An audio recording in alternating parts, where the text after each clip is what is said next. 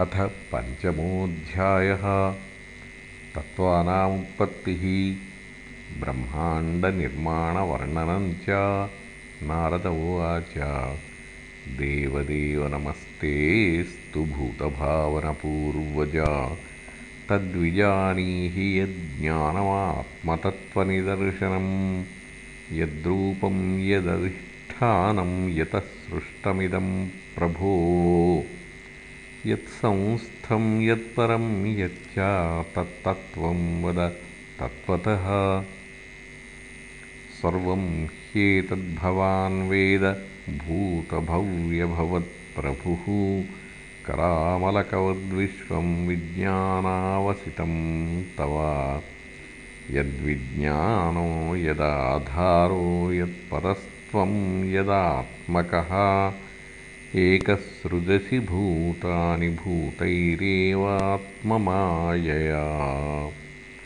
आत्मन्भावयसेतानि न पराभावयन् स्वयम् आत्मशक्तिमवष्टभ्य आत्मशक्तिमवष्टभ्य ऊर्णनाभिरिवाक्लमः। नाहं वेदपरं ह्यस्मिन्नापरम् न समं विभो नामरूपगुणैर्भाव्यं सदसत्किञ्चिदन्यतः। स भवानचरद्घोरं यत्तपः सुसमाहितः। तेन खेदयसेनस्त्वं पराशङ्कां प्रयच्छसि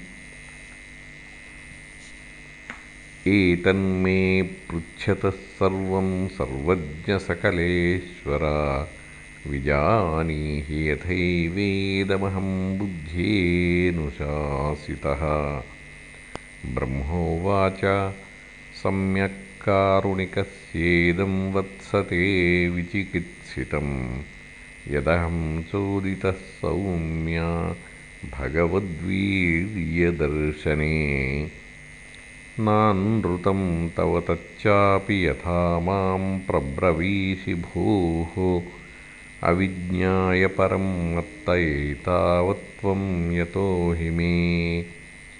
येन स्वरोचिषा विश्वं रोचितं रोचयाम्यहं। यथार्कोऽग्निर्यथा सोमो।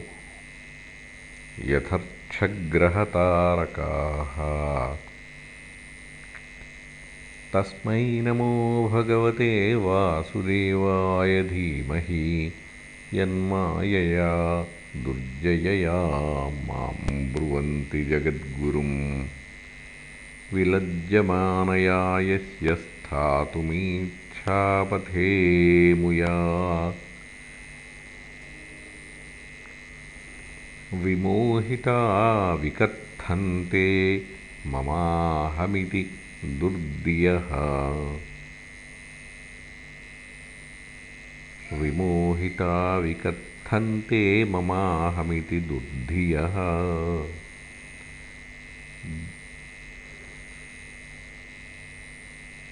द्रव्यं कर्म च कालश्च स्वभावो जीव एव च। वासुदेवात् परो ब्रह्मन्न चान्योऽर्थोऽस्ति तत्त्वतः।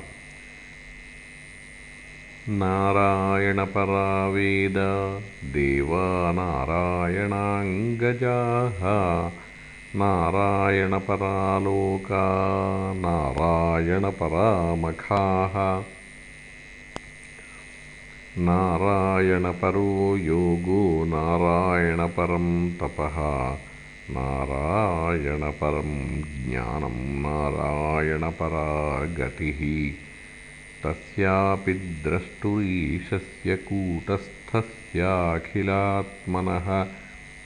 सृज्यं सृजामि सृष्टोऽहमीक्षयैवाभिचोदितः सत्त्वं रजस्तम इति निर्गुणस्य गुणास्त्रयः स्थितिसर्गनिरोधेषु गृहीता मायया विभोः।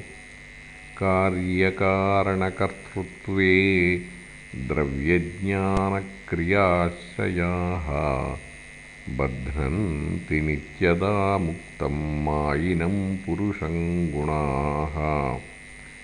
स एष भगवान् लिङ्गैस्त्रिभिरेभिरथोक्षजः स्वलक्षितगतिर्ब्रह्मन् सर्वेषां मम चेश्वरः।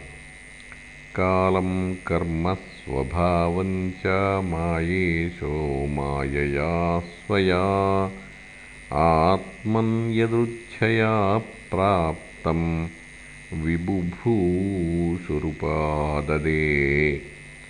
कालाद्गुणव्यतिकरः परिणामस्वभावतः कर्मणो जन्ममहतः पुरुषाधिष्ठितादभूत्।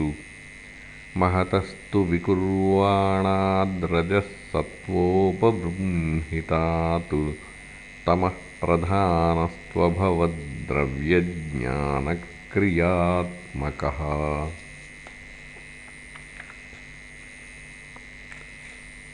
सोऽहङ्कार इति प्रोक्तो विकुर्वन् समभूत्त्रिधा वैकारिकस्तैजसश्च तामसश्चेति यद्भिदा।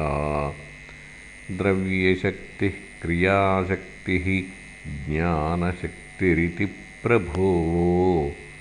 तामसादपि भूतादेर्विकुर्वाणादभून्नभः तस्य मात्रागुणशब्दो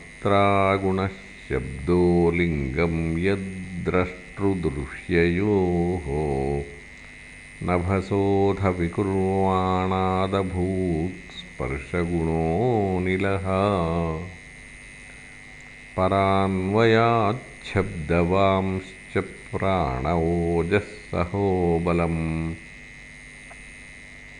वायोरपि विकुर्वाणात् कालकर्मस्वभावतः उदपद्यत तेजो वैरूपवत्स्पर्शशब्दवत् तेजसस्तु विकुर्वाणादासीदम्भोरसात्मकम् रूपवत्स्पर्शवच्चाम्भो घोषवच्च परान्वयात्।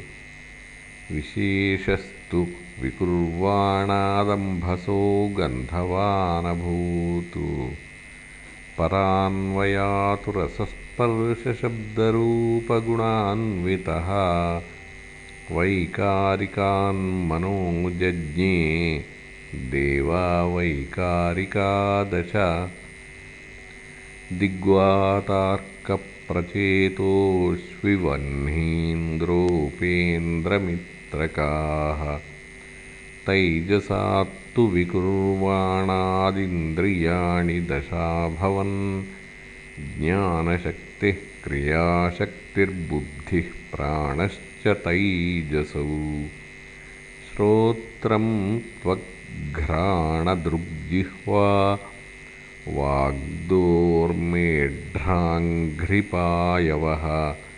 यदैते सङ्गता भावा भूतेन्द्रियमनोगुणाः यदायतननिर्माणे न शेकुर्ब्रह्मवित्तमा तदा संहत्य चान्योन्यं भगवच्छक्तिचोदिताः। सदसत्त्वमुपादाय चोभयं ससृजुर्ह्यदः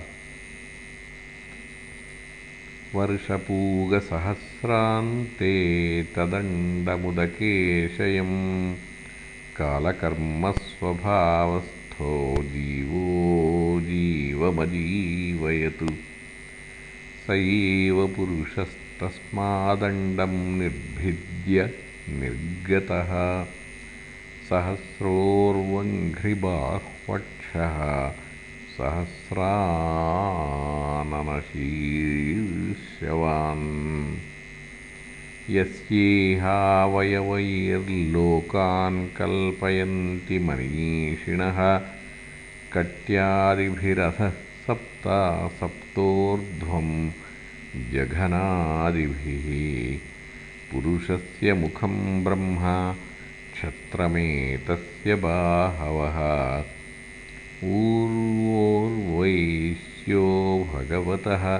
पद्भ्यां शूद्रोऽभ्यजायत।